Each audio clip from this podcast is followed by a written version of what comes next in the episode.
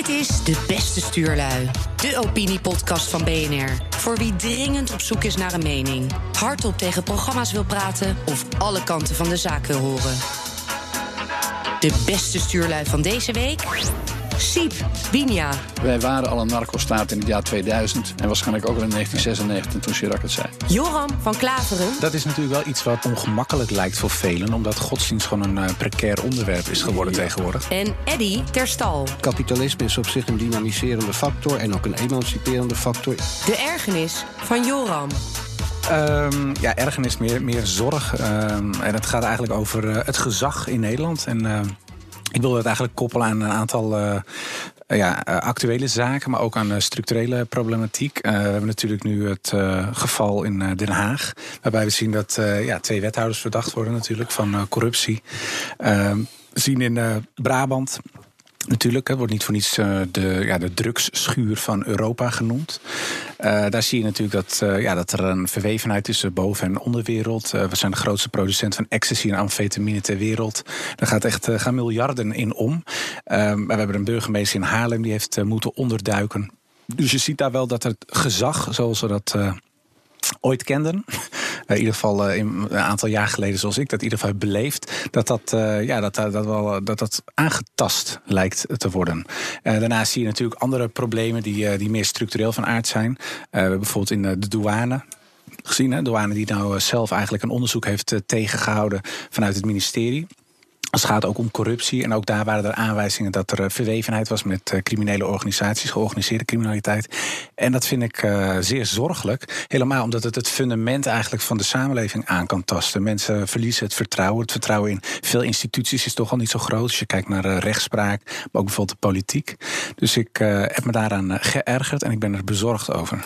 Ja, ik, ik herken het wel, maar ik ben misschien iets minder uh, actueel verrast. In die zin uh, dat dit een verhaal is wat we al 50 jaar kunnen houden in Nederland. Uh, dus het, het, af, het ontrafelen van het gezag, of het onttakelen van het gezag, was, zou je maar eens kunnen zeggen, in de jaren 60 al een van de doelstellingen van de toenmalige culturele revolutie. Ja, maar dat niet zulke gevolgen als dat het nu heeft. Nou, maar de, de, misschien niet. Maar, misschien werd toen de kiem, maar, de kiem Dat is het punt. Dat is het punt. Ja. Ik, ik, begin dan nu al, al een klein beetje vooruit te lopen op mijn eigen bijdrage voor zometeen. Maar er zijn veel dingen in die tijd gebeurd. Eh, ook goede zaken, laten we zo zeggen. Bovendien, Nederland was in menig opzicht een achterlijk land. Zeker voor vrouwen in die tijd.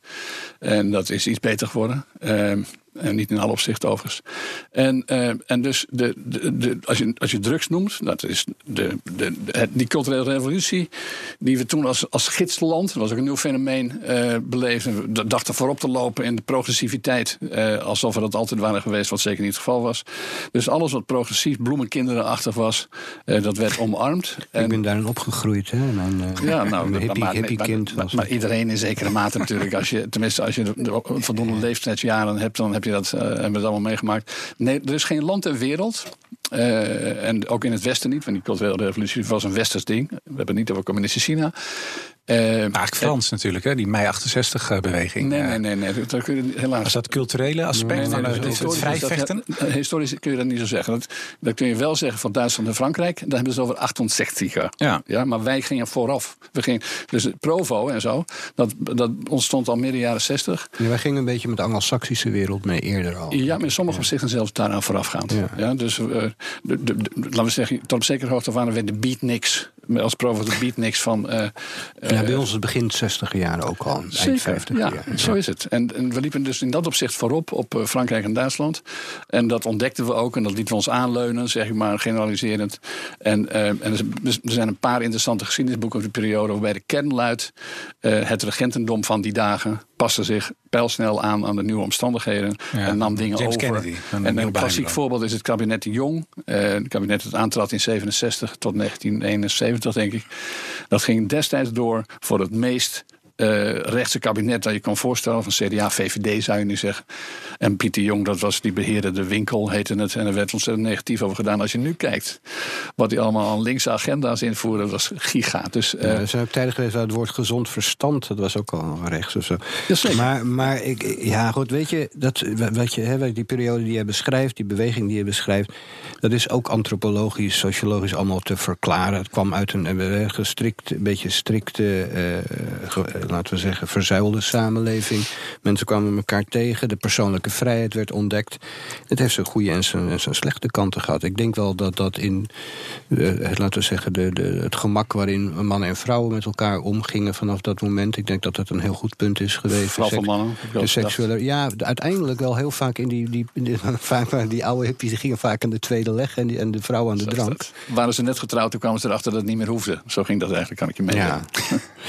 nee, maar, maar ik denk dat wat, wat jij zojuist zei over de vertrouwen in instituten, dat, dat maakt mij inderdaad wel, uh, dat baart me wel enige zorgen. Omdat inderdaad op het moment dat de rechtspraak, uh, zeg maar dat die ja, dat die soms politiek gekleurd lijkt. Dat, dat de, de, de, ja, de orde niet gehandhaafd kan worden. Dat er überhaupt dat de wetten soms niet gehandhaafd kunnen worden. Dat er dus rotte elementen zitten in, in onderzoekssystemen. Um, ja, dat, dat is natuurlijk koren op de molen van uh, de anti-institutionalisten van tegenwoordig. Hè. Zoals inderdaad partijen zoals Forum en PVV bijvoorbeeld, die daar uh, heel erg op hameren. En terwijl ik denk juist van in principe hebben wij, als je, als je het vergelijkt met de, alle buitenlanden die je zo kunt opnoemen. Uh, juist vrij stabiele en goede uh, instituten. Alleen, uh, die behoeven nogal wat onderhoud. En, en de dingen die jij zojuist opnoemde, dat, die brengen dat wel aan het wankelen, dat vertrouwen. En, en ja, dat is toch een van de fundamenten van onze samenleving. Nou ja, je noemde de rechtspraak. En, en, trouwens, jij ook de rechtspraak en een aantal aanverwante zaken. De rechtspraak was in zekere zin de laatste Inclusief trouwens Openbaar Ministerie en politie. Dat was, zou je kunnen zeggen, uh, die, die heeft het langst uh, in stand gehouden. Het, het, het, brede vertrouwen in de instituties is vrij lang doorgegaan. Uh, maar uh, valt nu het hardst, kun je zeggen. Het is natuurlijk geen toeval dat we uh, de een, een, en de andere minister van Justitie moeten aftreden. dat is geen toeval. Het is ook geen toeval, maar daar komen we straks misschien ook nog op. dat we binnen een maand twee keer een, een of zijn Duits gezegd, een welle hebben van, van drugsmafia-opwinding. en, en dus er is sprake van een erosie, niet alleen van, van de instellingen zou ik zeggen, maar ook een, een erosie aan moraliteit. Ja. Dus maar ik denk dat het allemaal samen, hè, want dat, dat wordt in Nederland vaak niet genoemd. Misschien omdat het eng is of omdat het uh, niet, niet prettig is. Maar dat hangt natuurlijk ook tot op zekere hoogte samen met de secularisatie. Want je ziet die, die afbouw, inderdaad, hè, moraliteit bijvoorbeeld, maar ook de verhouding man-vrouw, drugs. Wat kan wel, wat kan niet, vrijheid, onvrijheid. Die, uh, die scheidslijn die vroeger heel duidelijk was tussen aanhalingstekens, die vervaagde zeker, nou misschien 50, 60 jaren, zeker in de jaren 70 en nog steeds.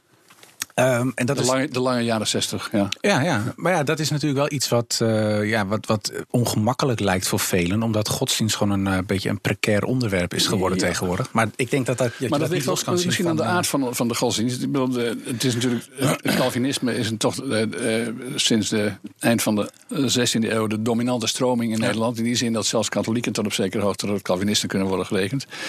En Calvinisten hebben, hebben anders dan, meer dan katholieken de neiging om laten we zeggen, heel precies en, en heel nadrukkelijk uh, te zijn in opvattingen. Zelfs als we het geloof afsferen, zou ik maar zeggen.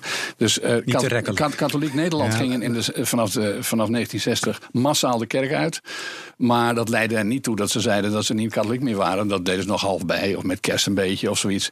Maar de, de protestants Nederland, uh, eerst hervormde, maar met later in een zeggen, hoog tempo ook de gereformeerden.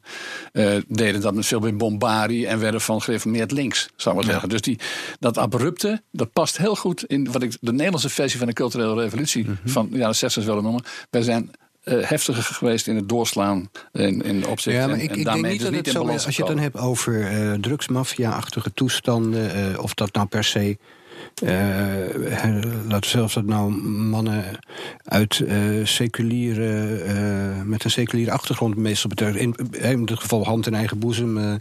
veel van de grote criminelen zijn Jordanezen en die zijn bijna allemaal seculier. Ja, maar de mate, maar de mate waarin het toegestaan. Maar ook de mokromafia hebben vaak weer een islamitische achtergrond. Veel van de kampers hebben weer, weer een katholieke achtergrond. Ja, maar dat zijn geen mensen die het beleid hebben gemaakt. Dat zijn mensen die gebruik maken van het beleid, kun je zeggen. Dus het beleid is een laissez-faire. Ja. Het gaat ook is, is een, een laat maar gaan beleid geweest geweest. En dat laat gaan beleid was alleen maar mogelijk, is alleen maar te verklaren, omdat er een, de regels deden er eigenlijk niet meer toe, alles moest kunnen. En in die wereld is Nederland de grootste producent van een doorvoer, handelaar en weet ik veel wat van Europa. Ja, ja maar zit ook die handelsgeest zit daar ook in. Hè? Het komen in de domino. Het, zou het nou echt waar zijn dat de, de kanonskogels aan de Spanjaarden verkochten die op ons werden afgevuurd? Of is dat... Oh zeker. Nee, nee, zeker nog. We, we, we, verkochten hier, we verkochten in, ja, in, de, in, de, in de Gouden Eeuw, zal ik het even lekker noemen. In de Gouden Eeuw wapens aan iedereen, ook aan onze eigen tegenstanders. Ja, ja, makkelijk okay. Ja, dat gebeurt natuurlijk nog steeds. Dat doen andere landen. Wel, ja. Het is uh, uniek toch? De Verenigde Staten doet het natuurlijk ook. Ja, maar ik denk dat als je, als je het dan hebt over links en die periode en dat gedogen en zo, terwijl eigenlijk is het misschien ook een beetje wezensvreemd geweest voor links. Hè? Ik bedoel, misschien wel de vrijzinnigheid was misschien wel het element wat daar wel in meegeholpen. Maar echt links als staatsmodel, dat, dat gaat juist uit van een, van, een, van een stevige staat die de controle over dingen houdt. Dus in die zin was, kan je zeggen dat het weer niet links was. Nee, maar, maar de, de, de, de cultuur speelt ook een rol van eigenlijk een steeds culturele revolutie noemen. En, dus, en, en, trouwens, de inhoud van wat links is, eh, verandert ook in de loop van de tijd. Absoluut. Zelfs links zelf veranderde natuurlijk. Had het links van Drees in de jaren 50. En je dat links van den Uil, dat iedereen een auto mocht hebben in de jaren 60. En even later had je het links van Nieuw Links. En dat was uh, ook heel. Was, was de DDR en zo was ook helemaal oké. Ja, ja, dus de inhoud van wat links is wel sowieso nog van. Nou, ik weet nog, mijn, mijn, mijn, mijn, mijn vader, mijn stiefvader is een Duitser, een Duitse sociaaldemocraat, was ook een hippie. En die was, had alle kenmerken van hippie qua blowen en de levensstijl, werkte wel, had gewoon een baan. En die zei dat was minder gebruikelijk Die zei ook altijd, nou ja, dat, was, dat, kwam relatief weinig voor. Maar die, uh, die zei ook, je moet heel goed onderscheid maken tussen democratisch links en totalitair links. Hij zei van, hij was echt een SPD'er. Mm En communist had hij een hekel aan. Hij had in Berlijn gezeten, had die muur gezien, van dichtbij meegemaakt. Eh, de doden die daar vielen. En die zei ook altijd: links is op zich goed. Alleen, uh, ja, als het, om het moet wel om verheffing blijven gaan. En niet over totalitaire, uh, totalitair gedachtegoed dat, is, dus, Maar dat is dus een discussie die ze bij links als afspeelt minstens sinds 1848. En nog. En nog. Ja, en zit dat verheffingsideaal, is dat niet per definitie misschien ongewild uh, enigszins gekoppeld aan het grotere plaatje van de staat regelt in die end wat goed is, wat slecht is. Nou ja, wat, is, doen, ja, wat, wat, is een instrument en wat is het doel? Dat, dat is het. Ik denk, eh, het ligt aan welke kant je op denkt. Ik denk wel dat je dat, dat, dat uh, zekere maakbaarheid moet je wel uh, loslaten op, op de maatschappij. Ik bedoel, niet dat je het los moet laten, maar dat moet je wel, die maakbaarheid moet wel een deel zijn van je aanpak van maatschappelijke problemen. Anders krijg je dus inderdaad, waar we het straks over gaan hebben, ook inderdaad, dan wat we het nu al over hebben, over die, die, die, die ontaarding van uh, kleine crimineeltjes tot grote mafiozen en dat soort dingen. Ik denk echt wel dat je als staat. Uh, ja, wat steviger in je schoenen moet staan. Nou ja, maar in dat opzicht, uh, dit gesprek gaat nu een beetje in de richting van het ene of het andere links. Misschien past dat in het thema, dat weet ik nog niet helemaal precies.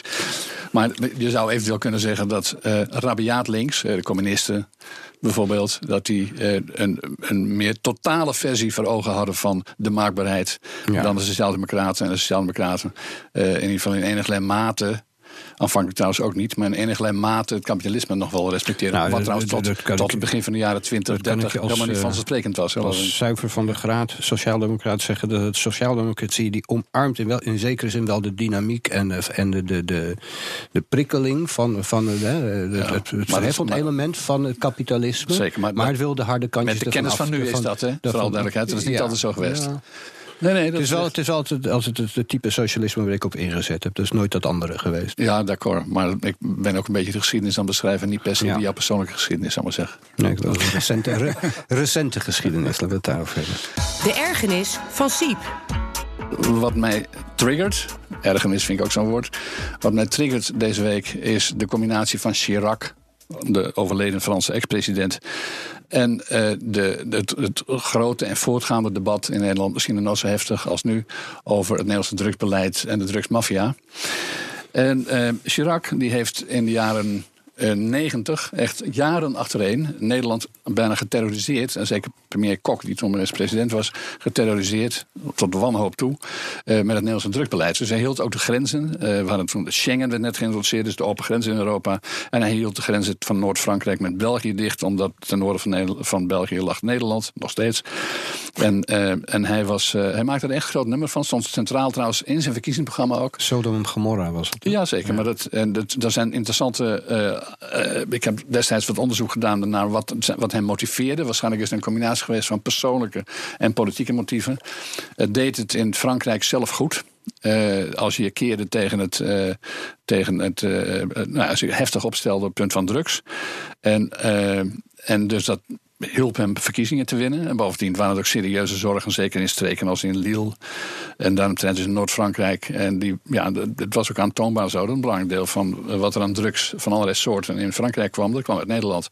Dat is één. Maar had ook dus uh, politieke, nou, had een persoonlijke overweging ook. Uh, die minder bekend is, namelijk dat zijn schoonzoon, die heeft hij maar een half jaar gehad, die schoonzoon tenminste in getrouwde vorm, van die heeft zelfmoord gepleegd en dat is, werd nou in verband gebracht, misschien was het zelfs een overdosis, maar dat werd nou in verband gebracht met, met, met drugsgebruik. Dus in ieder geval, die president Chirac, Franse president, de relatie met Nederland was in die dagen, zeker in de eerste dagen van zijn presidentschap, dus vanaf juni 1995, volledig getekend door drugs. Dus iedere Europese top. Daar ging de Nederlandse uh, delegatie onder leiding van Wim Kok weer met trillende benen heen. Want uh, als Chirac niet meteen begon over het Nederlandse drukbeleid, dan deed hij dat iets later wel. En in die dagen was het zo dat een top eindigde dan op zaterdagmorgen. En op zaterdagmorgen dan, dan, zat, dan werden dan de conclusies te bedden gebracht. Of die lagen al klaar. Maar Chirac die kwam altijd met een nieuwe conclusie. Namelijk dat het Nederlandse drukbeleid nog een keer afgelopen zijn. Dan bracht hij soms iets anders. Uh, namelijk in de vorm van dat hij nu een Europees. Dat is altijd een Franse gewoonte. Als, er zijn altijd plotseling heel erg voor Europa als het hem goed uitkomt. En zij wil, hij wilde dan altijd op het laatste moment nog, uh, nog een nieuw Europees drukbeleid. En dat ging niet alleen over het uh, tegengaan van handel en misdaad en uh, productie en wat ik meer zei. Nee, ook gebruik. Dus het gebruik moest ook bestreden en verboden worden. En dat wilde hij dus een uniform Europees uh, beleid. En, maar het was duidelijk dat hij daarmee Nederland op het oog had. En dat doorging voor een uh, wel heel erg tolerant uh, land. En trouwens, in diezelfde tijd hadden wij hier in Nederland de IRT-affaire. Ja. En de IRT-affaire, nou, ruwweg komt erop neer dat in zijn heftigste vorm kwam het erop neer dat de Nederlandse staat in een poging drugshandelaren te pakken zelf in de drugshandel was gegaan. Er gingen echt voor honderden tonnen aan cannabis rond, die door Openbaar Ministerie zelf in de handel werd gebracht. Geïmporteerd zelfs, notabene. En dat uh, haalde natuurlijk het wereldnieuws. En dat heeft de Nederlandse diplomatie in die dagen uh, ernstig tegengezeten. Want de, dan zaten ze weer te vergaderen aan, aan Brusselse vergadertafels. En dan, uh, als een Nederlandse ambassadeur iets te bedden bracht, werd hij al meteen uitgelachen van. Ja, je hebt, zeker, je hebt zeker neveninkomsten en zo. Dus het Nederlandse buitenlands beleid was zeer ineffectief in die dagen. En wat gebeurde er ook nog, als klap op de vuurpijl? Er kwam een rapport, geschreven door een partijgenoot van Chirac. En de rapport, daarin werd Nederland, door de senator overigens, door meneer Palmasson. En Palmasson die verkondigde dat Nederland een narco-staat was. Een état narco. En dat zorgde voor een gigantische verwarring in Nederland. En een ontzettende ruzie en boosheid. Zelfs mensen die tegenstanders van het Nederlandse gedoogbeleid in Nederland. die keerden zich tegen uh, Chirac en zijn senator. Want het was toch een bloody shame dat je überhaupt dit soort uitlatingen deed. En nu gaan we een kleine 25 jaar verder. De afgelopen maand hebben we gezien dat eind augustus uh, de minister van Justitie, Grapperhaus, nog zei. Nee, laat ik zo zeggen, een half jaar geleden zei hij: nee, er was geen sprake van een narcostaat. Maar een van de politiebonden die had dat namelijk gezegd: we, zijn op weg een narcostaat te worden. En Grapperhaus zei: er was geen sprake van. In eind augustus zeiden we zijn op weg naar een narcostaat. En dan niet zo kort niet lang geleden naar, de, het, uh, het doodschieten, liquideren van de advocaat van een kroongetuige. Uh, blijkt dat, uh, blijken zo'n enquêtes, zes van de tien Nederlanders vinden dat wij een narcostaat zijn. En is het de status van Nederland als narcostaat bijna normaal geworden. Dus Chirac heeft ook in dit opzicht, of in dit opzicht, misschien had hij toen nog gelijk. Hè? Nou ja, dat is, kijk, we halen ook een heleboel dingen door elkaar. Het is over softdrugs en harddrugs. Ik denk op een gegeven moment. onderscheid kennen, kennen men niet in alle landen, hè, by the way. Nee, maar ik denk wel dat, dat, dat, softdrugs, zeker in toen de tijd, de compositie daarvan was ook wat anders dan het nu is. Het is mm -hmm. natuurlijk wel zwaarder nu. Maar dat dat niet heel veel anders was dan, dan alcohol op dat moment. Alleen dat gedoogbeleid, dat zou eigenlijk werkt dat alleen maar als het een soort overgangssituatie is. Paul Scheffer schreef het trouwens vandaag heel goed in het NRC. Als het een overgang is naar, uh, of was het gisteren, in ieder geval vandaag. Ja, dat was gisteren, ja. Uh, van de, van de naar, een, naar een nieuw beleid. Dat je, de, dat je in de tussentijd, dat je in de tussentijd, zeg maar, de, de, over, in de overgangssituatie, de oude situatie uh, gedoogt. Ja. Um, omdat Nou ja, heb ik denk inderdaad, als op dat moment softdrugs zeg maar gelegaliseerd was, is denk ik dat je inderdaad de criminele. Ben je nu een Europese situatie aan het beschrijven of een Nederlandse situatie? Daar is geen verschil meer tussen, toch? In die nou ja, natuurlijk zeker wel. Dat blijkt alleen al uit, wat ik net beschreef, namelijk over dat Chirac graag een Europees beleid wilde eh, dat Nederland kortwiekte. Nou ja, een van de redenen waarom Nederland het niet kon, uh, eigenlijk die legalisering niet door kon zetten, had natuurlijk ook heel veel met Europa te maken. Zeker. En, maar ik denk dus ook dat, dat, criminelen dus net zo makkelijk dan zouden zijn overgestapt eh, op harddrugs, uh, nog meer dan nu. En weet je, de, de, de commodity die ze verkopen, uh, dus ze zoeken altijd wel een reden om langs de kanten van de weg, uh, van de wet. Nee, maar, maar je krijgt denk ik ook door die, uh, die verwevenheid met harddrugs, softdrugs. Want ik bedoel, mhm. als je nu kijkt naar Zwitserland of naar Uruguay, diverse staten in de Verenigde Staten, Canada, dat, dat idee wat Nederland ooit had, denk ik, dat zie je nu terugkomen in diverse landen. Alleen ik denk dat het problematisch is, omdat je niet volledig legaliseert. Als je dat, als je dat niet doet, hou je altijd een soort schimmig gebied. En dat zie je dus bijvoorbeeld in, vooral in Brabant. Zie je heel erg dat uh, ja, die, die produceren van, het produceren van ecstasy, amfetamine. Dat gaat hand in hand met eh, de doorvoer van, uh, van softdrugs, namelijk wiet, maar ook heroïne zelfs.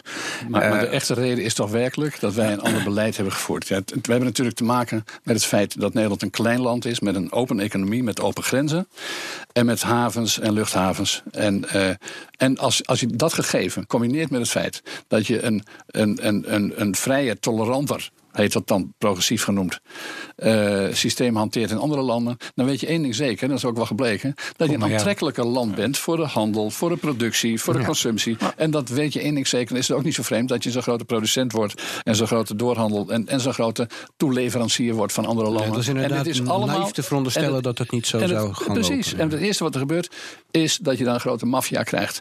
En dat hebben we nooit in willen kijken, want we keken alleen naar de veronderstelde gunstige effecten van ons gedoogbeleid voor de gezondheid.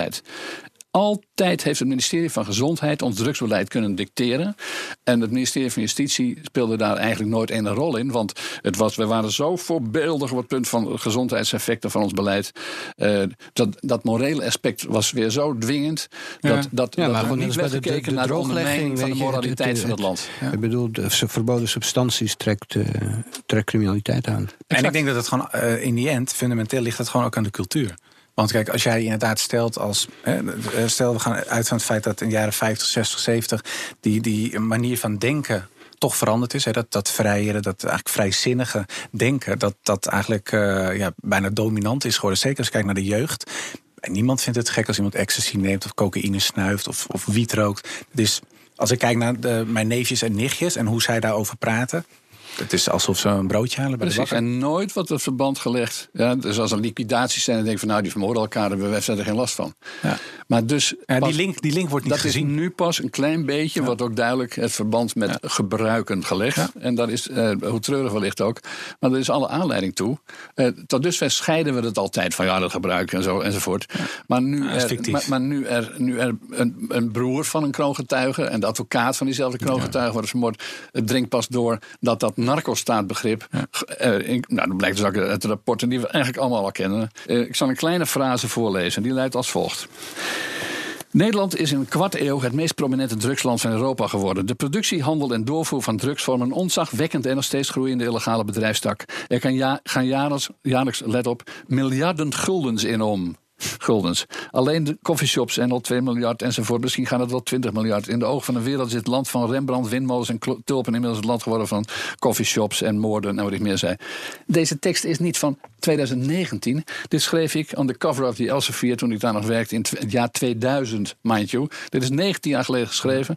En ik, als ik de hele tekst voor zou lezen, dan zou driekwart van zou nog steeds volledig geldig zijn. Het belangrijkste verschil is dat we geen guldens meer hebben, maar euro's. Ja, en uit uh, recent onderzoek 2017 eh, van de Universiteit Tilburg, daar blijkt, dat nou, spraken ze over 18,9 miljard. Exact. Nou ja, euro. Het, is dan niet zo vreemd om 18 miljard euro te vergelijken met 18 miljard guldens als je de inflatie mee rekent. Anders gezegd, wij waren al een narco-staat in het jaar 2000 en waarschijnlijk ook al in 1996 toen Chirac het zei. Ja, nee, absoluut. Ik, ik vind dat het ook wel een gevolg is inderdaad van, van ja, van een naïeve instelling op dat gebied. Wegkijken. Het is wel zo dat, dat uh, wel verre van mijn werk, zeg maar, de, de, de, de, directe link tussen zeg maar, vrijzinnig leven en, en drugsgebruik. Want eh, heel veel mensen uh, ja, gebruiken niet regelmatig drugs, maar de vrijzinnige levensstijl is wel over het algemeen de meest gangbare niche in. nou, als vrijzinnige levensstijl leidt tot de vorming van maffia, dan heb je iets verkeerds gedaan. Ja, ik, ik, ik weet oh niet of je die link wilt nou, leggen. Nee, maar nee, als, die link, nee, die link wil ik niet leggen. Maar, maar als die bestaat, dan is het toch verstandig om die link wel te leggen. Dus een vrijzinnige levensstijl. En ja, als die vrijzinnige levensstijl direct of indirect leidt tot een, een schouderophalende attitude aan, uh, richting uh, verboden drugs. Want mhm. misschien zijn drugs ontzettend lekker en goed voor je gezondheid en voor je welbevinden. Maar het feit is dat ze in de wereld verboden zijn. En verboden drugs, als je die in een, in een klein land als Nederland quasi vrijgeeft of niet bestrijdt. Ja, ik denk dat de meeste mensen die een vrijzinnige levensstijl hebben, wel uh, ervoor zijn dat heroïne, cocaïne en dat soort dingen, dat dat verboden substanties blijven. Ja, maar wij weten ook uit het rapport van Jan Tromp en consorten van een maand geleden. Uh, dat in Amsterdam, Amsterdam werd als drugshoofdstad van de wereld mhm. geportretteerd. is ongeveer in lijn met wat ik net voorlas. Uh, dat er daar echt eindeloos niks aan gebeurde. Want het bestrijden van, uh, van drugs en handel en drugsgebruik en alles wat ermee samenhing, dat werd als rechts ervaren. En, dus, ja, en, en, en, dat kennelijk als niet vrijzinnig genoeg. Ja, en vinden mensen dat dan echt erg? Want dat vraag ik me af, want hè, dat, dat vond ik een beetje treurig om te zien, ook in de Tweede Kamer op de dag dat die advocaat vermoord werd, dat dat grapje gemaakt werd door GroenLinks. Hè. Jesse Klaver die dan zei van nou, ik ben uh, gekscherend genoeg de enige die nog nooit drugs heeft gebruikt. Ha, ha, ha. En iedereen moest daar om lachen. Ja, ik vind dat wel tekenend zeg maar, voor de cultuur en uh, de manier van kijken naar. GroenLinks is een Amsterdamse partij in belangrijke mate. Ja, absoluut. Maar ook dat vrijzinnige, ja. dat vrijzinnige zit daar heel diep in. En ik weet niet of je dat dus echt kunt scheiden. Als je inderdaad ziet dat in de praktijk uh, criminaliteit hoogtij, hè, het criminele gedrag hoogtij viert uh, um, ja, in relatie tot drugs. En in de Tweede Kamer, notabene eigenlijk, hè, de, de, de volksvertegenwoordiging in Nederland, daar waar mede bestuurd wordt en wetten worden gemaakt, dat daar eigenlijk lacherig gedaan wordt over het niet gebruiken van drugs. Hè? Want dat was het. Ja, mhm. ik vind dat redelijk uh, cru, zeker op zo'n dag. Ja, ik heb mijn eigen wereldvreemdheid daarin. Ik ben natuurlijk van een bepaalde leeftijd.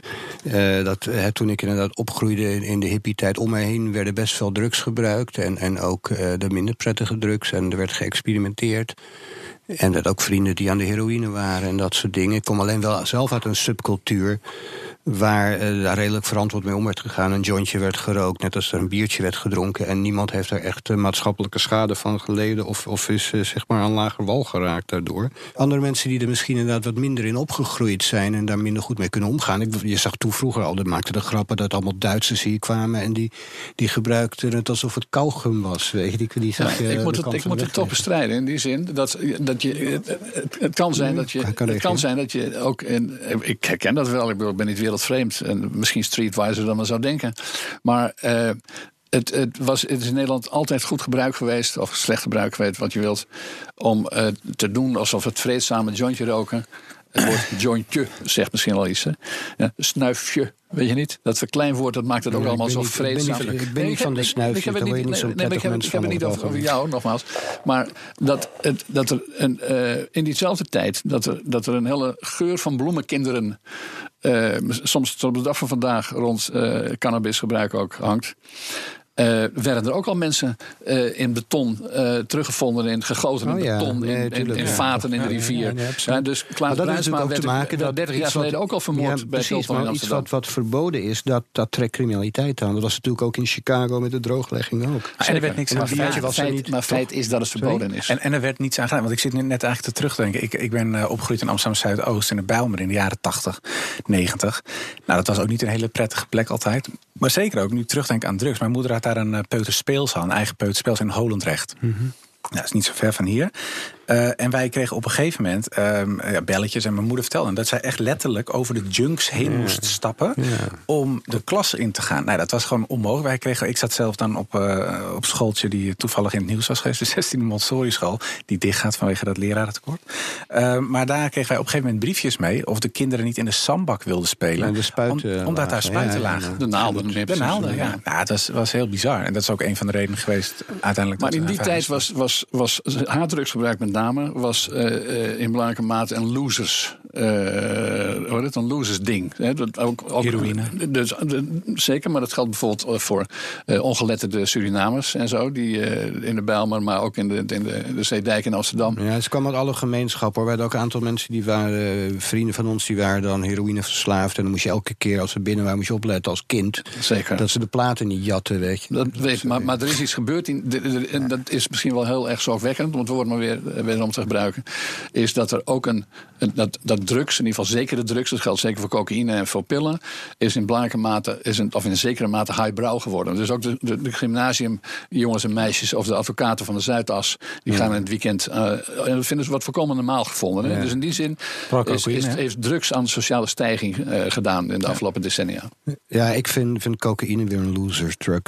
Maar dat zie je vooral terug. zeker, maar ik heb, die, ik, in terms, als ik het over losers heb, dan heb ik het over sociale lagen. En en als het in sociale, boven, sociale, bovenste sociale lagen gebruik, gebruikelijk is om, uh, gebruik, om dat om te gebruiken, dan is, dat, uh, nou ja, dan is het uh, eigenlijk nog zorgelijker dan wanneer het een losers Ja, nou ja, goed, omdat het ook op een bepaalde manier de persoonlijkheid aantast. Hè. Die mensen, als je soms mensen heel, heel tijd beginnen, elk woord met ik, ik, en beginnen dat in je buik te prikken. Nou, god, dan kijk je naar die pupillen en je zulke pupillen.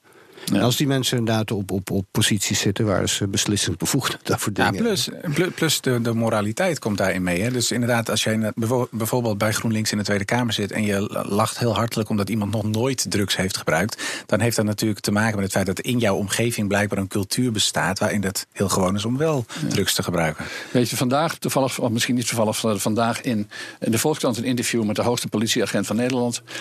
En die werd gevraagd van wanneer hij tot inkeer was gekomen. Over het, want hij heeft hele harde woorden over het, uh, een beetje in de sfeer van waar we nu over spreken. Wanneer hij tot inkeer was gekomen, dat bleek betrekkelijk recent te zijn. Namelijk in 2018, dat was vorig jaar dus. En waar was dat gebeurd? Dat was gebeurd tijdens een conferentie over internationaal drugsbeleid. En Nederland bleek daar echt de totale loser, om dat woord weer te gebruiken, van het gezelschap te zijn. En toen was, dus hij heeft met de blik, met de helikopterview van al die mensen die erbij aanwezig waren, met van de buitenkant naar Nederland gekeken. Een beetje zoals Chirac, zal ik maar zeggen, in 1996. En uh, dus de buitenkant was nodig, de, de, de, de scherpe blik van buiten, kritische blik van buiten was nodig om de Nederlandse politieagent nummer 1, Erik Akerboom, uh, ja. tot uh, inkeer te laten komen. Nou ja, kijk, hoezeer ik ook zeg mezelf de relaxte kant en de, en de aardige kant van het meegemaakt, de creatieve kant. Uh, ik heb ook wel gezien toen de tijd vrienden van mij die, die, die, die, die dealden of zo, weet je, en die zaten een hele winter zaten ze in Thailand en die lieten dan hun vriendin, die lieten ze de, de, de 700, 700 gulden uitkering. Ophalen, dus, ja. op.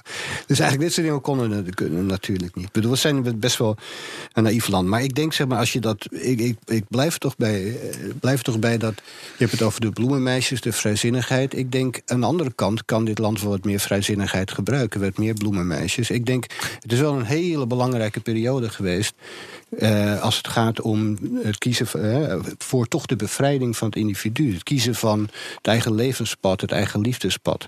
Maar en dit gaat over de drugsmafia. Ja, natuurlijk. Maar jij, maar jij, haalt het er allemaal bij. Zeg van de vrijzinnigheid en de bloemenmeisjes. Ik, ik, ik wil toch een, uh, een, een stand maken voor de bloemenmeisjes. ik denk dat er meer van moet ja, komen. Ik ben, ik ben altijd groot voorstander geweest van bloemenmeisjes. Misschien nog wel. en zeker in de tijd dat het zich voordeed in deze mate. Maar ik, helaas moet ik ook een verband leggen tussen de, de levensstijl die hiermee samenhangt en die uh, aan, mede aan de, grond, de basis ligt van het, uh, het nefast, zoals de bel zegt, nefaste Nederlandse drukbeleid. Ja, maar je kan, zo kan je ook wat, zeggen, bijvoorbeeld het, waar we het net over hadden, het kapitalisme is op zich een dynamiserende factor en ook een emanciperende factor in mate.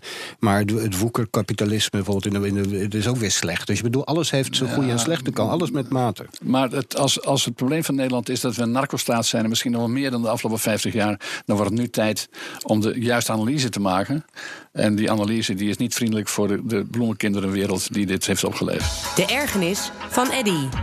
Ja, de, de, de advertentie die de NRC heeft geaccepteerd van de regering van Hongkong, de poppenregering van Beijing, um, waarin zeg maar het optreden van de autoriteiten daar ten opzichte van de democratische volkopstand een beetje werd goed gepraat. Pagina groot, de, de, pagina groot. De vraag is, hè, dat is een, dat een tactiek die de Saudis inderdaad al in de, in de, in de, de, de Anglo-Saxische wereld al vaker hebben toegepast, zei je net. En uh, kan dat? Zou je dat als een, zou je dat als, als een serieus medium zou dat moeten, moeten accepteren?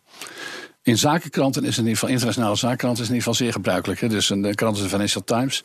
Die staat permanent vol met uh, grote advertenties over de paradijselijke kanten van uh, Kazachstan, Saudi-Arabië. Je kunt het geen niet bedenken. Meestal hebben ze veel geld en, uh, en veel volle en veel politieke gevangenen. Ja, maar ik begin, dan ik begin dan toch te denken van stel dat, dat de NRC een een pagina grote advertentie uh, aangeboden kreeg van uh, bijvoorbeeld het Iraanse regime, die hun beleid ten opzichte van homo's verdedigt, van het Russische regime ten opzichte van politieke gevangenen goed praat.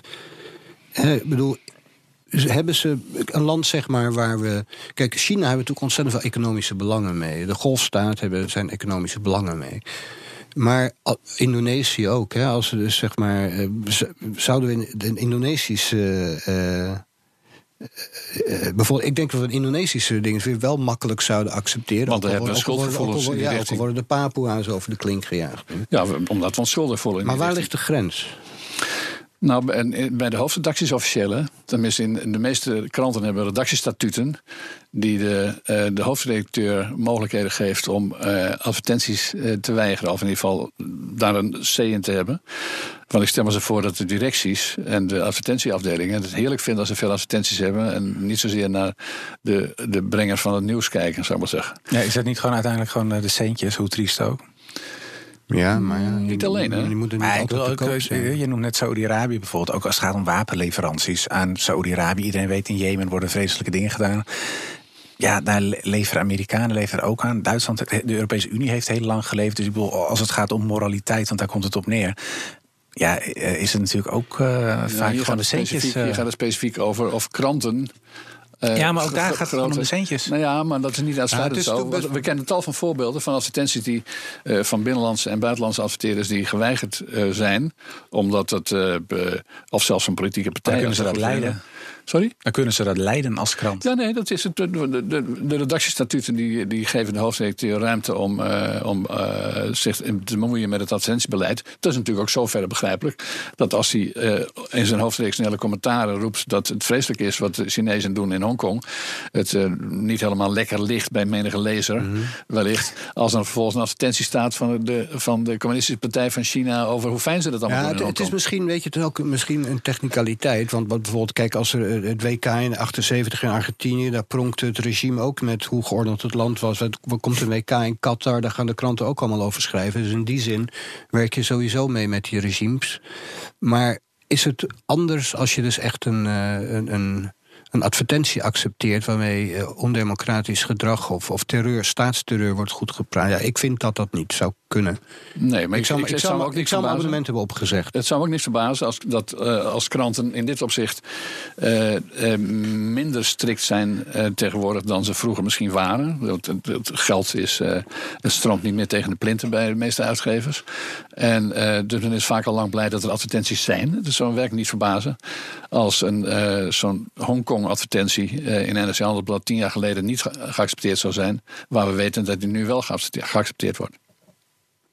Toch die koopmansgeest. Dat kan natuurlijk zelfs liggen aan. Het kan natuurlijk zelfs. Nou ja, het kan ook gewoon liggen aan. Uh, aan de, de, de morele maatstaf die door de uh, hoofddirecteur van dienst wordt gevolgd. Ja, ze hebben daar geloof ik net een nieuwe hoofddirecteur bij NRC Handelsblad. En misschien uh, vindt de huidige dat het wel kan wat de vorige niet kan. Maar als je het toch over, een beetje over China hebt, er worden politiek gevangenen, uh, weet je, er worden, er worden mensen, er worden gevangenen in, in stadions geëxecuteerd. Er zijn heropvoedingskampen voor Oeigoeren. Ja. Laatst las ik steeds dat, las ik ook dat er organen bij levende mensen. Uh, bij Oeigoeren speciaal. Bij Oeigoeren het heeft, had een beetje een soort klank als de couveuses in Kuwait. Maar het, het, regime, het zou me niet eens verbazen als het waar is. Nee, nee, mij, zeker ook niet. Uh, wat mij trouwens in de loop van de jaren vaak verbaasd heeft... is, dat, is de, het gemak waarin onkritisch werd gedaan. Ook in kranten over China. Want China was uh, voorbeeldige, grote economische groei, vooruitgang. Zelfs het idee dat een totalitaire staat misschien wel een goed idee zou zijn... is daardoor toegenomen. Maar zou daar dat ook dat idee hè, in die end, als je kijkt naar zeg maar, eh, de, de lange mars door de instituties, je hebt natuurlijk bepaalde mensen op bepaalde plekken gekregen, mhm. ook in de journalistieke wereld, mediawereld, eh, met een bepaalde voorliefde voor, ja, laten we het noemen, progressieve politiek, die van oudsher natuurlijk redelijk totalitair uh, geënt is als je kijkt naar hè, wat er in het verleden is gezegd over Albanië. En Verhoxa was een held. Sovjet-Unie was prachtig. U noemde net al de DDR. Ik sluit het helemaal niet uit. China dat, dat, natuurlijk van oudsher ook zo'n Ik ben er zelf wel eens geweest en ik verbaas me erover dat die, en ook vrij uitvoerig trouwens, uh, het gemak waarop plekken waar veel toeristen komen, overal uh, toeristen, het, rode boekje van Mao en andere. De, terwijl Mao de grotere slachter was en Stalin, die zelf een grotere slachter was dan Hitler. Ja. Terwijl wij toch, als we kijken naar kwaadaardigheid, in een andere range uh, lijken te denken. Dus uh, China bekijken we al vrij lang, misschien wel sinds die culturele revolutie van hen. Ja. Uh, maar zit er ook niet een veel rozere bril Ja, maar zit er ook niet een racistisch element? Hè? Wat heel vaak mensen, zeg maar, zogenaamd progressieve dan, in, wat ik dan regressief in, in Westen.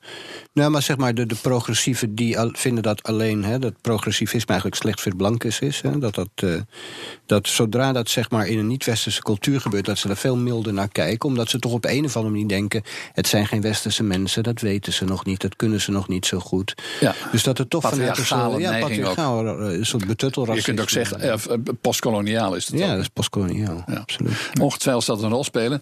Uh, maar dan zou, dan zou de redenering waarschijnlijk zijn, of de onuitgesproken redenering zijn: uh, kijk eens wat die arm, arme Chineesjes allemaal voor elkaar weten te krijgen. En dat, zoiets. En dat dan, en zou dat voor China nog, ik geloof niet zo. China is natuurlijk gewoon in dat opzicht een wereldmacht. Ik bedoel, het is een atoommacht. Maar zo werd het dus de, nee, maar nu, 30 jaar geleden. Ja, maar er is juist omdat China het economisch zo aardig gedaan heeft. Trouwens, vooral door economisch kapitalistischer te worden dan ze waren. Ja. Ja, dus ze zijn, ze zijn niet rijker geworden. Ze zijn niet rijker geworden door communistische zijn. Ze, ja, maar, zijn, ze zijn rijker geworden door kapitalistische te worden. Ja. Maar, maar, stel je voor dat Trump heropvoedingskampen zou hebben voor andersdenkenden en organen zou verwijderen bij moslims, hindoes of joden, weet ik veel wat denk ik toch dat de hele, weer, dat de hele media op zijn kop zou staan. Omdat zeg maar, een flink deel van de van mensen in de Verenigde Staten blank is. Ja. En dat er toch een soort andere, een, een soort, soort racistische ja, maar zou dat een soort goed bedoeld uh, idee, maar toch racistisch. Maar is dat dan niet dat, dat, dat mensen toch denken dat, dat, mensen met een kleurtje daar uh, minder tot... tot, ja, tot een geel kleurtje bedoel je in dit geval? Ja, ja. Een, een, uh, tot, tot, tot beschaafd gedrag in staat zijn. Nou, jij, vrees dat dat, dat, dat, wel een beetje... ook gewoon schouderophalende onverschilligheid noemen. Van het is ver weg. En ja, maar ook de slachtoffers hebben een kleurtje. En dan interesseert het mensen ook meteen al minder. op een of andere manier zijn de reflexen... Het, het, het meeleven met de onderdrukte Chinees... is niet echt ontwikkeld in, in het groot deel van het Westen en zeker in Nederland ook niet. En misschien heeft het er ook iets mee te maken dat, uh, dat er in China, afgezien van wat er in Hongkong gebeurt, dat er zelden massale bewegingen zijn die zeggen: we willen eindelijk wel eens een beetje democratie. Hè? Dus. Uh, sterker nog, je wordt dan op school geleerd om, om een afkeer te hebben van zulke moderne rotzooi als democratie, zoals we in het Westen ons willen opleggen. Ja, die jongeren op het plein van de Hemelse Vrede, die, die, die, die vertegen, vertegen, vertegenwoordigden niet een, een, een, hele grote stroming in de samenleving. Aan Misschien toen nog even wel, maar daarna is er nooit meer iemand van school gekomen die geleerd heeft dat je naar het Tiananmen moest, zou maar zeggen. Sterker nog, heel veel jongeren weten er niet eens van. Nee, of hebben het niet overleefd. ja. ja. ja. Ja. Maar ja, het valt me ook wel op dat überhaupt die hele wereld stil is over die Oeigoeren. Want het is niet alleen. Kijk, eigenlijk het Westen, een aantal westerse landen zijn eigenlijk de enige eh, in Turkije dan uh, die één keer wat gezegd heeft met betrekking tot die Oeigoeren. Maar voor de rest is het helemaal stil. Nou, het meest verbazingwekkend is natuurlijk dat uh, islamitische landen hem ophouden. Ja. ja. dan zou je toch een islamitische solidariteit mogen verwachten. Ja, maar interna internationale politiek is heel cynisch. Hè? Bedoel, de, de, met de Oeigoeren is eigenlijk hetzelfde verhaal als met, met de Koerden en, en de Papua's. Die zitten gewoon aan de verkeerde kant van de. Geschiedenis heet het dan. Ja, verkeerde kant van de geschiedenis. ja. ja. Dit was weer een aflevering van De Beste Stuurlui. Een opiniepodcast van BNR. Alle afleveringen zijn terug te luisteren op bnr.nl slash podcasts, iTunes en Spotify. En hou je roer recht.